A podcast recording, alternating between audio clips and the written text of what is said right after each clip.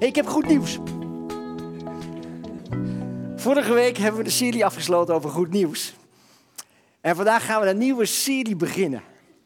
Dus vandaag is de introductie van een nieuwe serie waar we de komende maanden mee aan de slag gaan.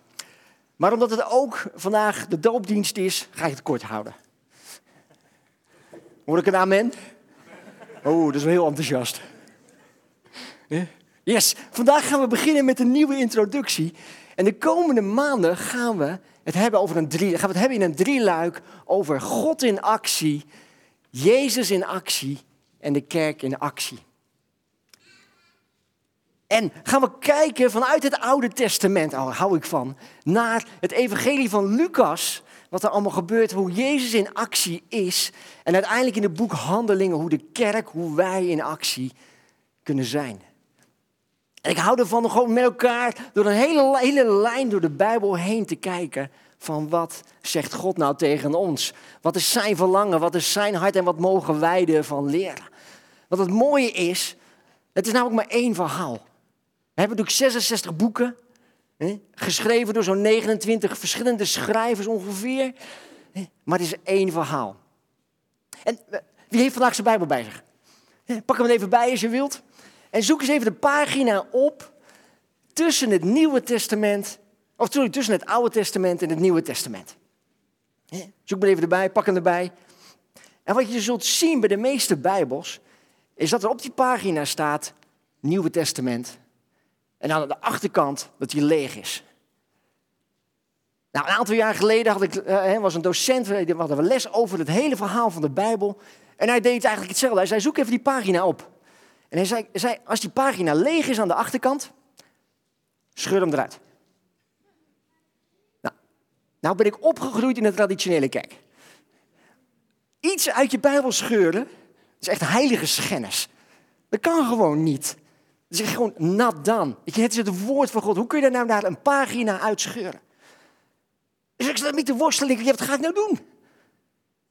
De Bijbel. Ik had vroeger van mijn oma zo'n heel mooi Bijbeltje gekregen, zo'n traditioneel Bijbeltje. Die had ik niet bij me, maar dat had ik wel in mijn hoofd.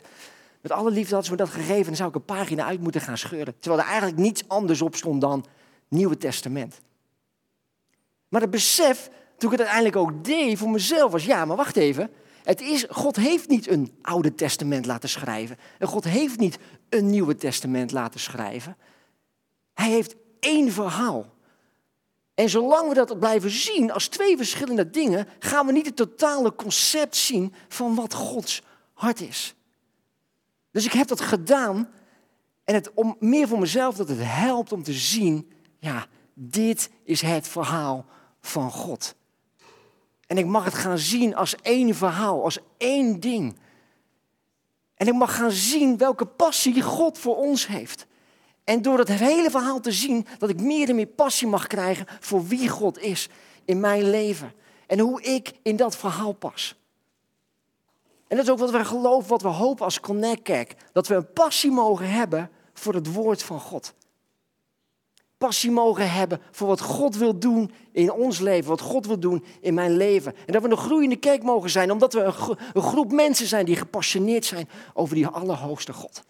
Dat is ons verlangen. Dat is mijn verlangen. En bovenal, dat is Gods verlangen naar mij toe. En hoe mooi is het dan dat we kunnen beginnen aan het begin van de Bijbel? Een aantal maanden geleden zat ik met mijn dochter zat ik een film te kijken, of we gingen een film kijken. En, uh, en Suzanne was niet thuis, dus ik was verantwoordelijk voor het eten. Het was in het weekend. En uh, ze hadden een film, een animatiefilm uitgekozen van de Lorax. En uh, ik had alvast tegen hun gezegd, nou ga maar vast beginnen met de film kijken en dan zorg ik even voor het eten. En het weekend, als ik dan verantwoordelijk ben voor het eten, Suzanne is niet, dan maak ik een hele uitgebreide pizza in de oven. Dus ik had tegen hun gezegd, zet alvast die film aan, hè, ik geef het, het eten regelen en dan kijk ik met jullie mee. Dus de eerste vijf minuten had ik gemist van de film. En ik ga kijken van ja, die film en door die film heen zie ik dat er een jongetje is wat op zoek is naar het allerlaatste zaadje van een boom. En ik kom erachter in die film dat hij op zoek is naar dat zaadje, naar een boom. Uiteindelijk door die hele film heen, omdat hij dat aan een meisje wil geven. Want dat meisje wilde heel graag een echte boom zien. Want in die film, echte bomen bestaan niet meer. Alleen nog maar kunstbomen. Alleen maar, maar iets wat nep is. En door de hele film heen is hij op zoek naar dat ene zaadje. En uiteindelijk vindt hij dat zaadje van die, van die boom. En dan gaat hij dat, brengt hij dat terug bij dat meisje. En uiteindelijk planten ze dat zaadje in de grond. En uiteindelijk gaat die boom groeien. Maar pas helemaal aan het einde van de film, de laatste vijf minuten, begreep ik eigenlijk waarom. In die laatste vijf minuten werd duidelijk dat hij op zoek was gegaan naar dat zaadje van die boom, omdat hij graag een kusje wilde van dat meisje. Hij wilde graag een aandacht hebben van dat, van meisje. Alleen dat heb ik niet begrepen. Want ik heb het eerste stukje van die hele film gemist. Maar had ik dat, dat al begrepen vanaf het begin af dan had ik begrepen wat zijn vastberadenheid was.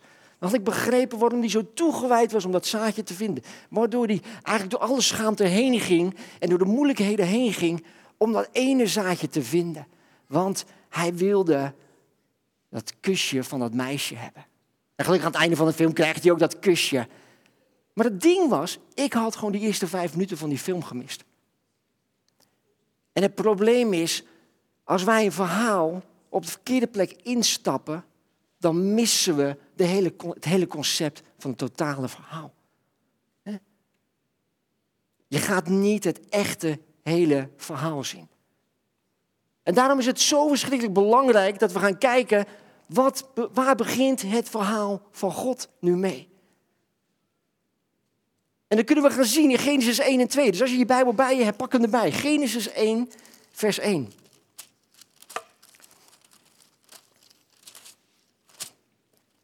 In het begin schiep God de hemel en de aarde. De aarde was nog woest en doods. En de duisternis lag over de oervloed. Maar Gods geest zweefde over de wateren. Direct in Genesis 1, vers 1 is de introductie van de eerste persoon in de Bijbel. God. En God schiep. En in, het, eh, in de Hebreeuwse tekst zien we in Genesis 2 dat God aangeduid werd, wordt als Yahweh. Wat betekent Heer. Alleen in de context, in Genesis 1, vers 1, wordt God nog anders. Of in hoofdstuk 2 wordt hij met Yahweh aangeduid. Maar in hoofdstuk 1 wordt God aangeduid met een ander woord wat zegt de God voor iedereen. Dus de God voor iedereen is de begin van het verhaal. En God schiep. En schepping betekent vanuit niets iets creëren. Er is niks en aan het einde is er iets. En in de Hebreeuwse context betekent schepping, creation, niet alleen maar van iets, van iets naar niets gaan, maar het heeft een diepere betekenis. Het heeft de betekenis van zorgen voor. Ik ga het doorontwikkelen. Ik ga het, uh, uh, ik ga het uh, ontwerpen. Ik ga er zorg voor dragen. Dat is de oorspronkelijke betekenis van schepping. Van niets naar iets waar ik zorg voor draag, wat ik doorontwikkel en wat ik bescherm. Dus in Genesis 1 en 2 zien we direct het karakter van God als vader. De God voor iedereen die iets creëerde Waar hij niet alleen maar dacht van ik heb het gecreëerd en daarna stop ik ermee, wil ik nou wel wegdoen, of ik haat het, of ik vind het niet meer leuk. Nee, maar die zorgvol wil dragen. Dat is waar het verhaal mee begint. Dat is hoe God begint in Genesis 1 en 2. God schiep. En het mooie is voor God om iets te scheppen, betekent dat hij niet alleen toegewijd is om het leven voor te brengen. Maar is ook toegewijd om ervoor te zorgen dat het leven bloeit, dat het groeit en dat het gezegend wordt. Dat is het begin van het verhaal. Dat het gezegend wordt. En dat mogen we ook lezen in Genesis, Genesis 1, vers 26 en 27. Waarin God de mens schiep. Waar hij zegt, hey, ik schaap, of schiep jullie, ik creëer jullie om zorg te dragen voor mijn schepping om te overheersen over de vissen, over het land, over de dieren, over de vruchten. Daar heb ik jullie voor geschapen. Maar in vers 28 staat deze Bijbeltekst. Hij zegende hen en zei tegen hen, wees vruchtbaar en word talrijk. Bevolk de aarde en breng haar onder je gezag. Heers over de vissen van de zee, over de vogels van de hemel en over alle dieren die op aarde rondkruipen. God zegende de mens. Zelfs voordat überhaupt de zondeval, Adam en Eva, maar überhaupt wisten van het bestaan van zonde, van een afstand tussen hen en God, is er een zegen. God zegent hen. Een oorspronkelijke zegen voordat de zonde begon. God schiep Adam en Eva en zegende hen. Hij schiep hem Adumin. En Adumin is een woord wat we tegenkomen in Genesis 2, vers 25. God schiep de mens naakt. En in, de, in het Hebreeuws staat het woord Adumin. En wat betekent inderdaad fysiek naakt? Maar dat betekent veel meer dan alleen maar dat. Het betekent een totale openheid. Het betekent niet verborgen. Het betekent blootgelegd. Het betekent geen schaamte, geen geheimen. God schiep de mens Arumin. Om in alle openheid, zonder, zonder terughoudendheid, te leven met Hem. Dat was zijn verlangen, dat is zijn verlangen. Dat is nog steeds het standpunt van wat God wil.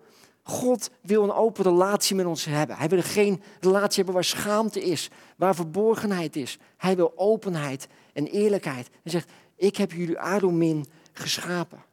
Dat is hoe God zijn verhaal begint. Genesis 1 en 2 eindigt niet met een komma, maar eindigt met een punt.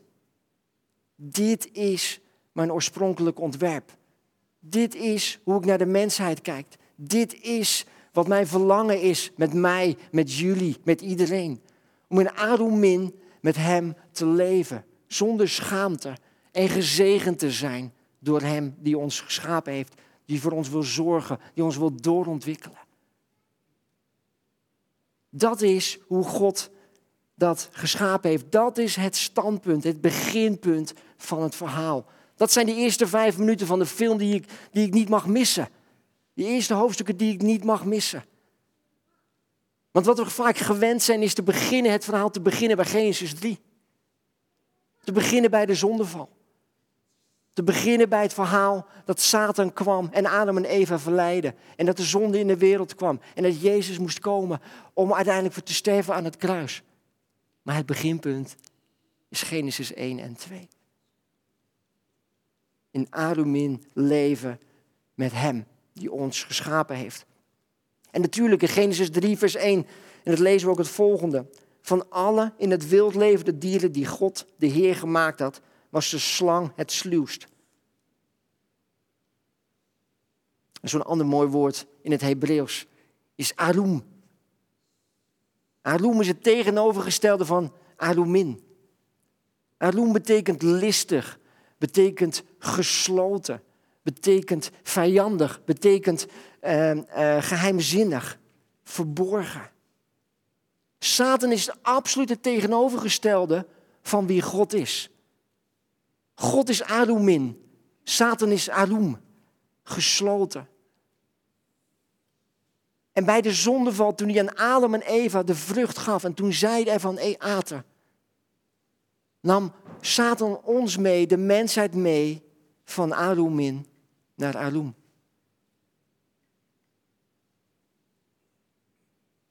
Genesis 3, vers 37 lezen we dat ook. Wanneer Adam en Eva van de vrucht aten, kwamen ze erachter dat ze naakt waren. Ze gingen van Arumin naar Arum.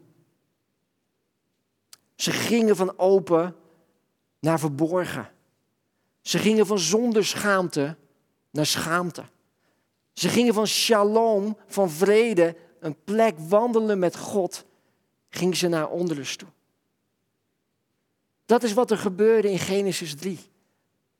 Waar wij nog steeds onderdeel van zijn, waar wij nog steeds last van hebben.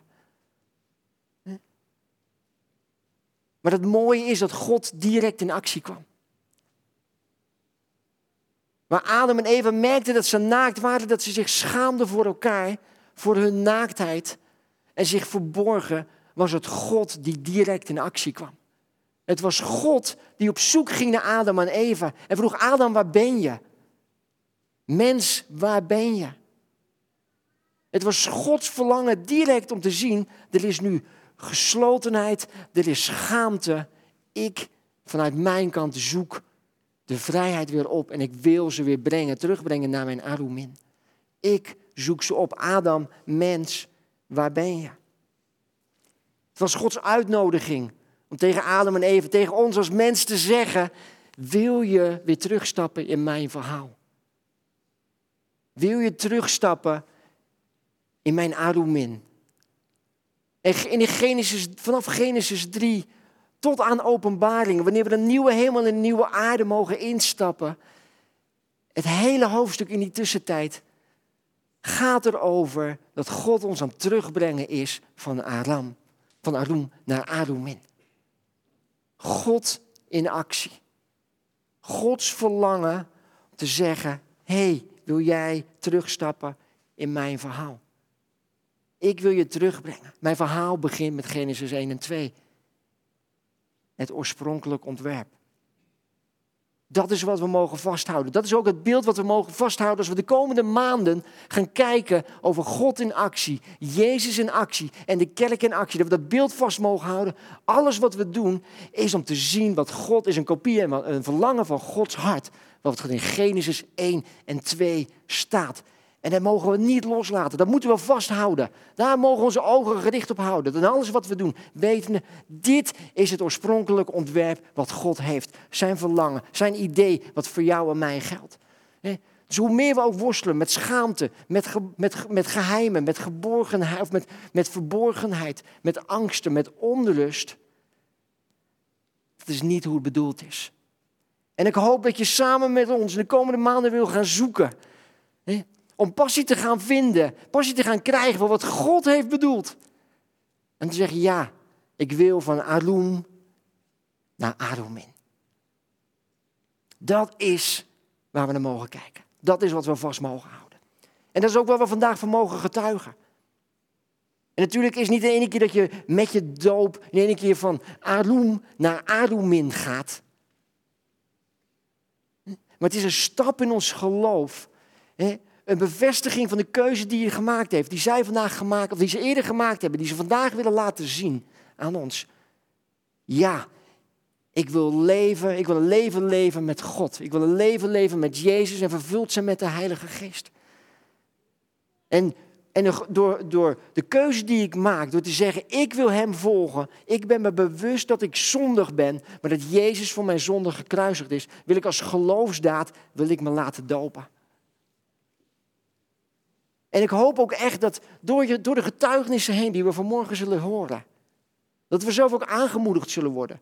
Voor onszelf ook zullen nadenken en gaan reflecteren van wat betekent dit eigenlijk nu voor mij. Ons grootste verlangen, mijn grootste verlangen is dat je misschien vandaag durft te zeggen, hé, hey, ik wil instappen in het verhaal van God. En ik wil niet alleen maar losse stukjes uit Gods woord of van Jezus pakken en kijken hoe dat precies past in mijn eigen leven. Maar het omdraaien. Kijken naar het verhaal van God. Hoe pas ik daarin? Wat is mijn plekje?